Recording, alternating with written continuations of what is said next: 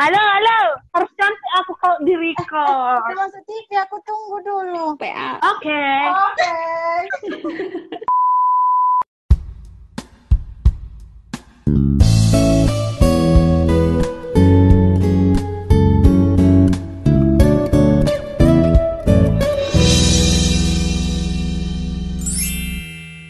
Para pendengar podcast di mana pun kamu berada saat ini, apa pun kegiatan kamu, semoga kamu tetap dalam kondisi sehat ya, tetap prima, dan kiranya kamu juga dalam keadaan sukacita.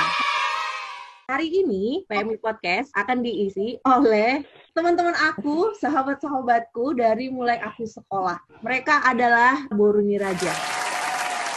Dari mana asal usul dari nama Boruni Raja? Ini kan berawal dari Boruni Raja ini merepresentasikan kepribadian kami sebagai wanita Batak yang sangat menjiwai nilai-nilai adat dan budaya kebasakan. Gitu kan Wi jawabannya kemarin. Harusnya kita pakai ulos guys. Dan di sini ada Iya burger. di sini pakai sortali kita Sortali. guys ngomong. Kok drama sekali? Ada Ocha, hai Ocha. Hai. Ada Naomi, Hai. ada Yanti, Hai. ada Dewi. Yuhu. Sehat? Oh, lahir dan batin. Bukan bukan bukan kau maksudnya. maksudnya. Bisa diinikan lagi nggak kita ke omongan sebelumnya tentang untuk Satu lagi untukmu. Wah, ah, kamu kan. kayaknya dia sehat sih. Kayak dari komunikasi sebelumnya dia masih sehat. Sebenarnya sih bucin sering ngirimin mie. Tapi yang di sini lebih bucin lagi saking cintanya sama yang di sono tiap hari aku dikasih makan mie wak. Nggak apa-apa. Dia lah meronta-ronta usus ini. Yang penting senang roommate ini nggak apa-apa. Biarlah biarlah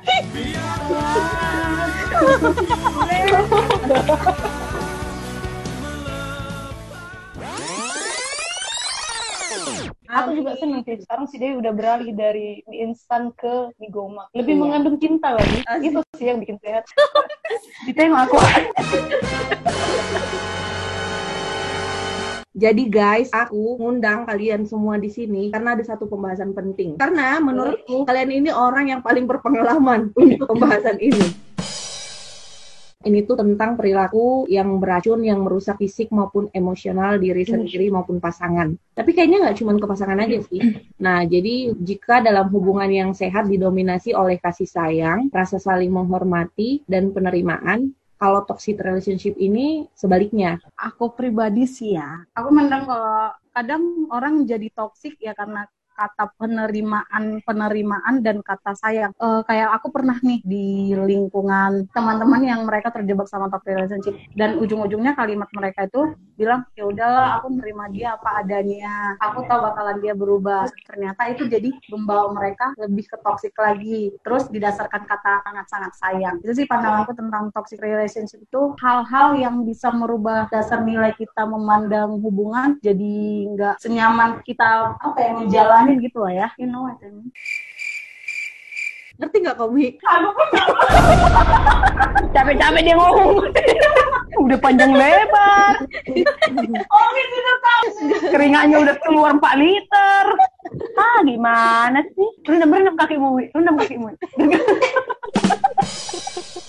Kalau yang aku tangkap dari dari si Dewi itu mungkin kayak rasa sayang yang berlebihan. kan kadang kalau kita di dalam lingkungan pertemanan ataupun di lingkungan pasangan kayak gitu kadang kita kayak ah karena sayang nih penerimaan dia itu walaupun dia punya habit yang jelek punya pengaruh yang jelek ya udah aku udah nerima dia tuh apa adanya udah kayak gitu Jadi maksudnya sebenarnya dia udah tahu itu hal yang buruk untuk ditoleransi, tapi dia tetap beranggapan untuk tetap menerima itu karena rasa sayang. yes Ya, Bucin. mungkin bisa masuk istilah bucin nggak sih? I don't think so Jadi kalau toxic relationship itu memang memang hubungan yang udah nggak nyaman lagi gitu. Jadi orang itu kalau udah mengalami itu dia pasti bersifat egois ataupun merubah sifat pasangannya gitu. Terus dia pengen nih merubah pasangannya sesuai kemauan dia menurutku sih gitu. Akibatnya ya akibat karena udah hubungan gak sehat tadi gitu. Ya intinya sih sebenarnya hubungan yang tidak menyenangkan ya buat diri sendiri Iya, dengan hubungan orang lain gitu.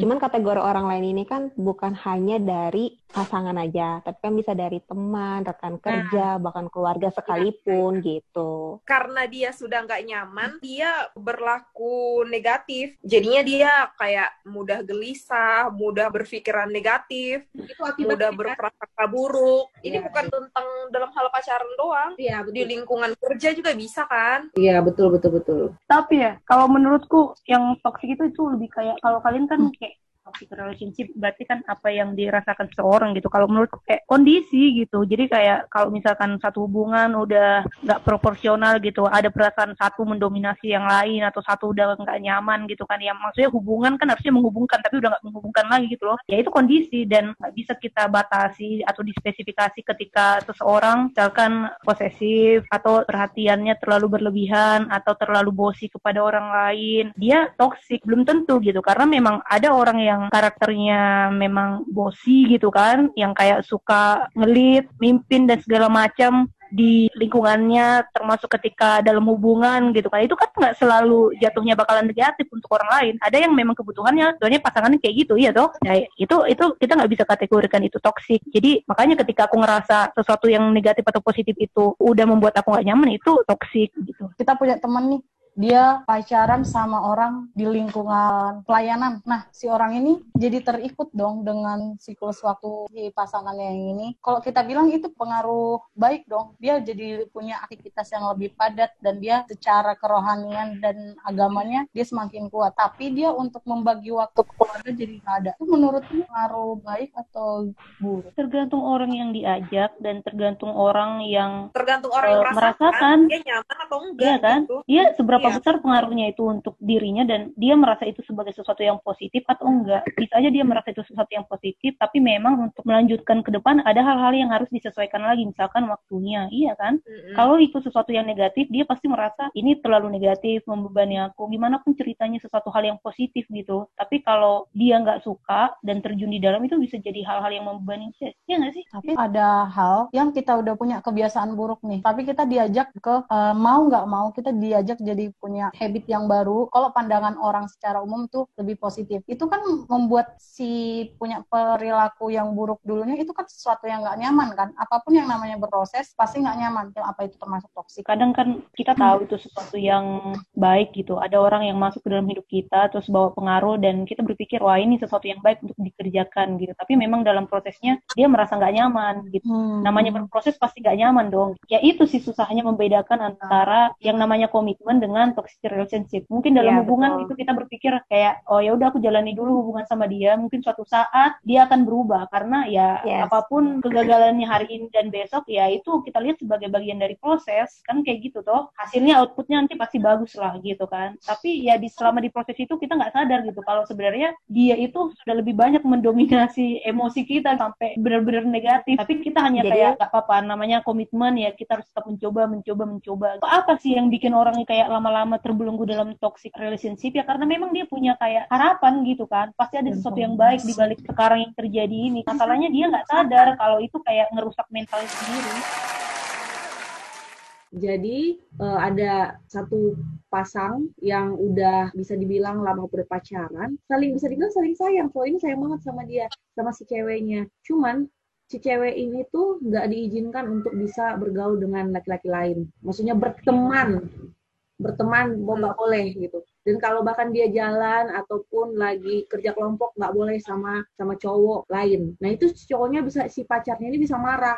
Dan kalau dia marah dia bisa mukul habis dia udah mukul nanti dia minta maaf dia bilang aku nggak akan kayak gitu lagi Kalau menurutku sih, kalau yang udah berdasarkan kekerasan fisik ataupun ngelukain, itu udah termasuk toksik. Apa pun alasannya yang dibilang itu untuk membawa perubahan ke hal baik, tapi kalau udah dilakukan dengan kekerasan, pukulan, ataupun cacian secara verbal atau non-verbal kayak gitu, udah toksik sama aku sih. guys itu kisahnya kayak kisahnya roommate coach guys. Atau kisah Siapa itu? iya posesif. Cowoknya posesif gitu sama dia guys. Iya kebetulan roommateku ini juga orangnya toxic juga. Belanja terus guys. Kebetulan dia kan ada dalam satu meeting juga sama kita bisa bisa lecau dulu sih biar kalian tuh lebih leluasa gitu ngobrolin. Kalau emang jadi itu jadi jadi bahan. jadi untuk membela dia ya kalau menurut dia itu toxic menurutku toxic juga. Ya kalian perhatikan kan gimana tadi dia emosionalnya menanggapi itu tapi ya memang harusnya kembali lagi kan. Tuh sama orang yang dipukulin kalau ya ternyata orang kan punya apa ya punya kecenderungan keanehan masing-masing. Kalau ternyata dia senang dipukulin kan kita nggak tahu. Jangan kita bilang wah toksik ternyata kayak temanku dia merasa itu dia senang aja dipukulin kita lihat idealnya sih ya siapa sih yang suka sampai dipukulin dan segala macam. Sedangkan undang-undangannya itu udah kekerasan gitu kan apalagi kita masa iya senang-senang aja kan nggak mungkin kan. Ya, jadi ya menurutku tergolong juga sih. Jadi ada orang yang pernah cerita sama aku nanya solusi sama aku ya. Jadi dia laki-laki yang udah lama pacaran dengan perempuan ini tapi perempuan ini posesif sekali. Nah posesif banget kan dia kalau pergi ke mana-mana si cowok ini eh, harus ngasih kabarin gitu padahal kan bukan tipikal semua orang apalagi cowok untuk ke mana-mana harus ngasih tahu ke mana pun dia pergi setiap mereka ketemu si cewek ini selalu periksa eh, HP-nya dia telepon ke siapa aja eh, ngechat ke siapa aja. Jadi mereka itu selalu kalau berantem itu permasalahannya hanya satu, karena terlambat angkat atau balas chat. Angkat telepon atau balas chat. Kalau udah itu pasti dianggap kalau si pasangannya ini, si cowoknya ini lagi sama cewek lain. Jadi aku bilang ya udah putusin aja kalau emang nggak tahan. Tapi aku udah terlalu sayang sama dia. Itu alasannya. Dari dari segi laki-lakinya, dia ngeluh, tapi dia bilang tapi aku udah terlalu sayang sama dia. Dia selalu menganggap karena pacaran mereka itu udah bertahan lama. Dia selalu bilang aku udah terlalu sayang sama dia dan dia juga dan kamu pacaran udah lama. Jadi kayaknya nggak nggak siap gitu untuk mutusin dia. Tapi dia jenuh pacaran dengan perempuan ini karena nggak berubah. itu dia aku setuju ya itu dia aku juga setuju ya Jawabanmu lengkap ya. Kayaknya ada yang ngomongin aku pakai bersin. berarti kamu kasusnya ini ya Enggak lah, bukan aku. Kalau aku kan gara-gara jarak. Nah, Udah ada ya? eh, ada abis ini berarti udah ada dibahas boleh dong selanjutnya enggak, enggak, enggak, enggak. Kasus ditutup sampai situ, guys. Alasannya si cewek ini makanya dia kayak gitu itu karena apa? Apakah emang si cowok itu misalnya nih dia itu ada tanda-tanda kesalahan. dia dungeon orangnya, makanya si cewek itu jadinya posesif kayak Iya. gitu. Bisa jadi. Nah ini karena apa dulu nih si ceweknya posesif? Apakah emang karena dia bawaannya kayak begitu atau ada faktor yang melatar belakanginya gitu? itu juga sih hal yang memang menurutku nggak nggak bisa aku sepenuhnya untuk dengar dari sisi cowoknya gitu harus perlu juga tahu dari sisi ceweknya kenapa bisa kayak gitu ya Hmm, mungkin dan- karena dari si cowoknya kali ya ngasih tunjuk perilaku sama cewek lain tuh terlalu akrab nggak ada jarak ya wajar dong pasangannya apalagi yang Cemburuan. sayang sama dia dan punya sifat cemburuan untuk versi cemburuan itu wajar menurut kalian kalau punya permasalahan yang itu itu aja Kalau menurut aku, kalau udah cemburu, mau apa lagi mau dipertahanin gitu. Karena karena bakal gelisah, bakal negatif mulu lah yang dipikirkan. iya, karena ketika misalnya si cowok itu punya punya teman cewek, ya kali si cewek itu pacarnya itu mau cemburuan, terus mau cemburuan, terus ya kan nggak sehat buat dia juga secara emosional gitu. Kalau kata Dilan mah rasa cemburu itu membuat kalau dia tuh nggak percaya diri dengan dirinya sendiri, ya nggak? ya ya ya ya ya betul banget Mpok Yanti setuju setuju ketika misalnya mereka dalam hubungan nih, terus kalau emang si cowoknya ibaratnya dia selama berhubungan itu kan pasti kan dia mengenal karakternya dia seperti apa, kri- terus si cowok ini orangnya kayak gimana gitu. Kalau misalnya emang selama mereka, terus kalau misalnya mereka juga punya komitmen, misalnya komitmen itu dalam hal ya kita pacaran menjaga hubungan ini dengan baik, nggak ada yang namanya orang ketiga dan bla bla bla dan bla bla bla. Nah kalau misalnya pun dia tidak ada menunjukkan ibaratnya dia orang yang gak ganjil sama cewek apa gimana gimana, yang ngapain dia harus cemburu? dari kita yang paling berpengalaman soal ini komeng kan si Dewi Omi eh host kok gitu ya host Omi. berapa berapa suara nih Terjebak. berapa suara nih Terjebak dalam kenangan, Rin. Aku Naomi. Omi Naomi Ya sebenarnya aku mengaku guys selama ini ya memang aku banyak jadi racun untuk orang lain. Enggak lah, aku aku nggak pernah nggak pernah merasa jadi racun untuk orang lain dalam hubunganku di mana pun. Tapi aku sering diracuni. Tapi aku nggak mati guys, karena Tuhan sayang sama aku. oh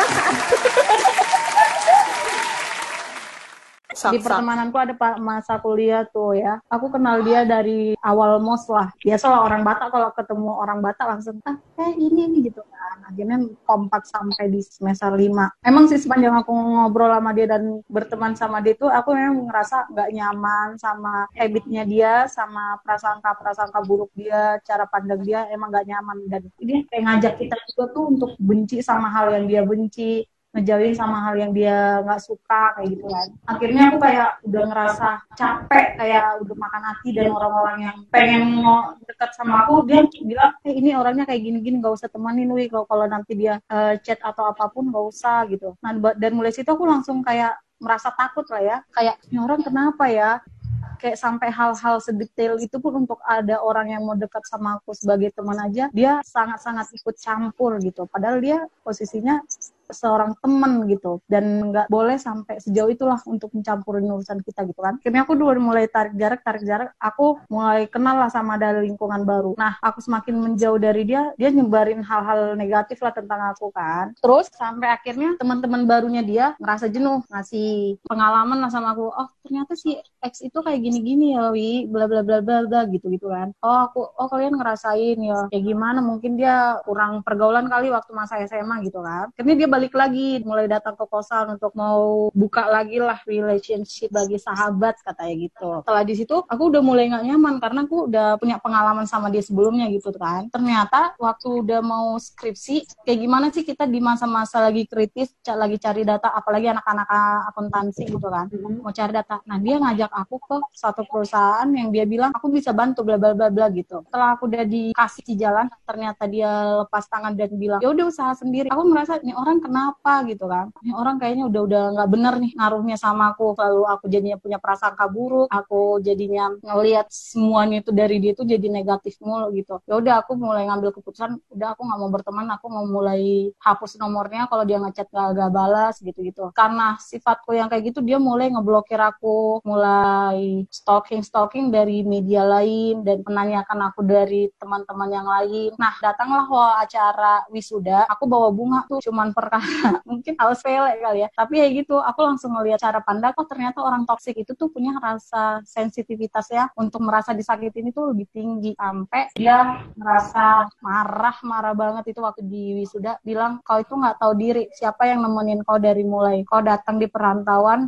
mendramatisir aku merasa nggak pantas lah untuk omongan-omongan kayak gitu gitu dia ngomong langsung gitu? Iya dan situ ada mamanya. Teman-temanku yang lain kayak ngerasa ah, ini orang kenapa? Gitu kan. Jadinya itu jadi bahan lelucon sampai sekarang sama teman teman-teman gila cuman perkara satu tangkai bunga kau jadi malu ya gitu-gitu. Aku langsung bilang iya nih aku kayaknya udah emang terjebak sama detox relationship sebagai pertemanan gitu. Dan memang satu kampus tahu kalau aku dulu tuh deket banget deket deket deket banget gitu. Ke mana-mana selalu berdua. Sampai mama mama aja di add dia sampai dia pengen tahu kondisi perekonomian keluarga aku sebenarnya kayak gimana sih di kampung sampai yang sedetail itu dia pengen tahu. It's so creepy you know. Gimana perasaanmu pas dia memperlakukan kayak gitu di depan orang tua tuanya termasuk juga depan teman-temanmu. Bengong, aku di situ lagi salim si mak tua itu kan lagi nyalim kan. Terus bunga untukku ya gitu kan. Ternyata bunga itu kan udah aku kasih nama-nama semua kan. Dan itu requestan bukan secara aku ngasih gitu loh karena requestan gitu kan. Uh, punya untukku ya jadi dia lihat nama-namanya. Ya nanti ya janji-janji nanti ya, aku datang ke kosan deh bawa ini aku punya sesuatu gitu. Tapi aku udah mikir memang aku gak ada ini apa namanya niat waktu untuk wisuda ketemu sama dia sebenarnya nggak ada planning lah gitu kan. Yeah, yeah. tapi ya kayak gimana waktu keluar langsung ketemu gitu. Ya udah di situ tuh uh, ya aduh, udah langsung dia gitu uh, lu nggak tahu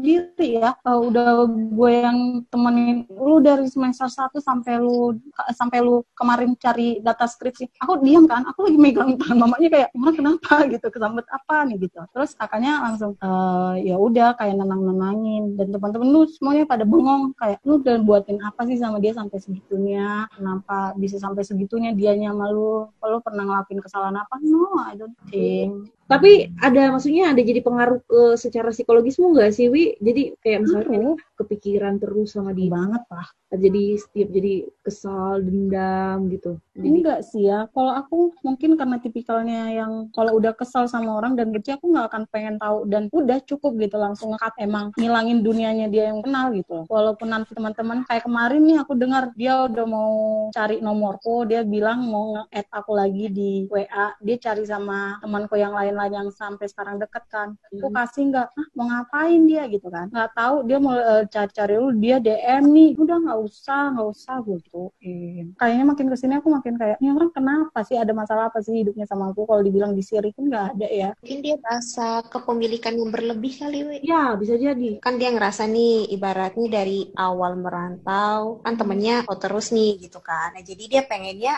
ya kok itu selalu terus sama dia gitu. Ke mana pun kalian pergi mau ngapain aja gitu. Jadi ketika misalnya kau pisah dari dia dia ngerasa kok lo kayak gitu sih? gitu. Lo kan dari awal ibaratnya dari awal lo merantau di sini kan lo kenalnya gue gitu. Kenapa jadi gue yang ditinggalin gitu? Padahal mas sebenarnya nggak ninggalin sebenarnya. Karena kan nggak bisa dipungkiri juga dong ibaratnya kamu hanya berteman dengan dia aja gitu. Otomatis kan kamu harus punya banyak teman juga kenalan dengan yang lainnya gitu. Nggak bakalan mungkin.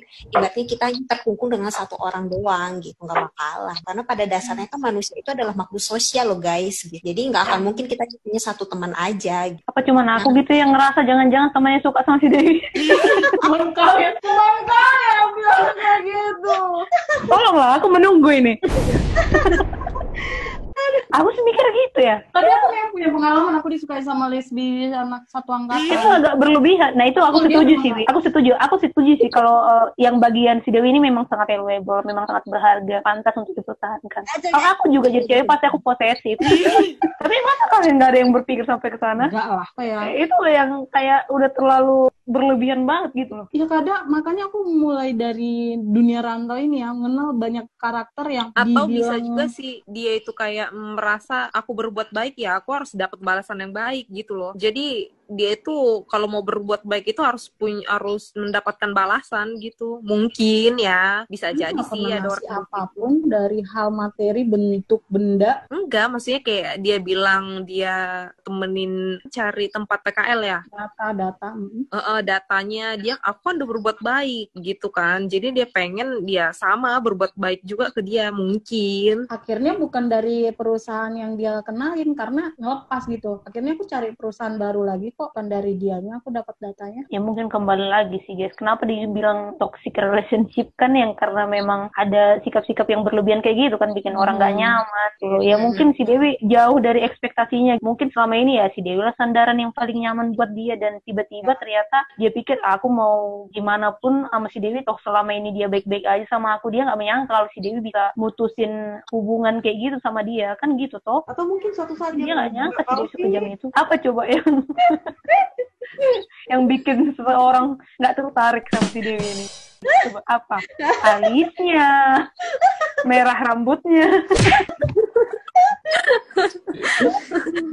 Ini independent woman. Gambaran kartini paling full ini ada dalam diri si Dewi seutuhnya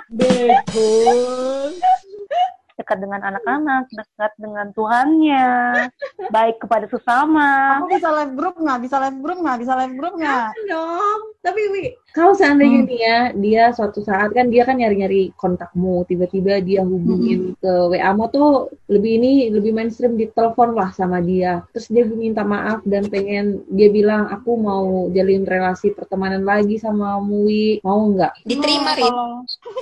Kalau kata KKI guys Iya. iya iya omongan kiki kiki Aku kan sahabat KKI ya. Di Q&A-nya dia bilang, kan ada pertanyaan. Kak, Kak KKI gimana sih cara untuk...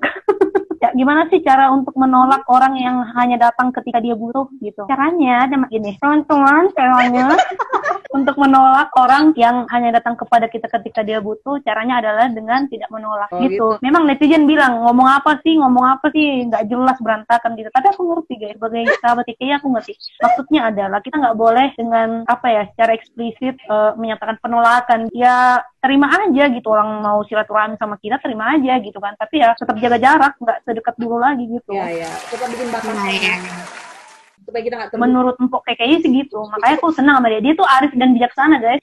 Dia pintar mandiin angsa guys.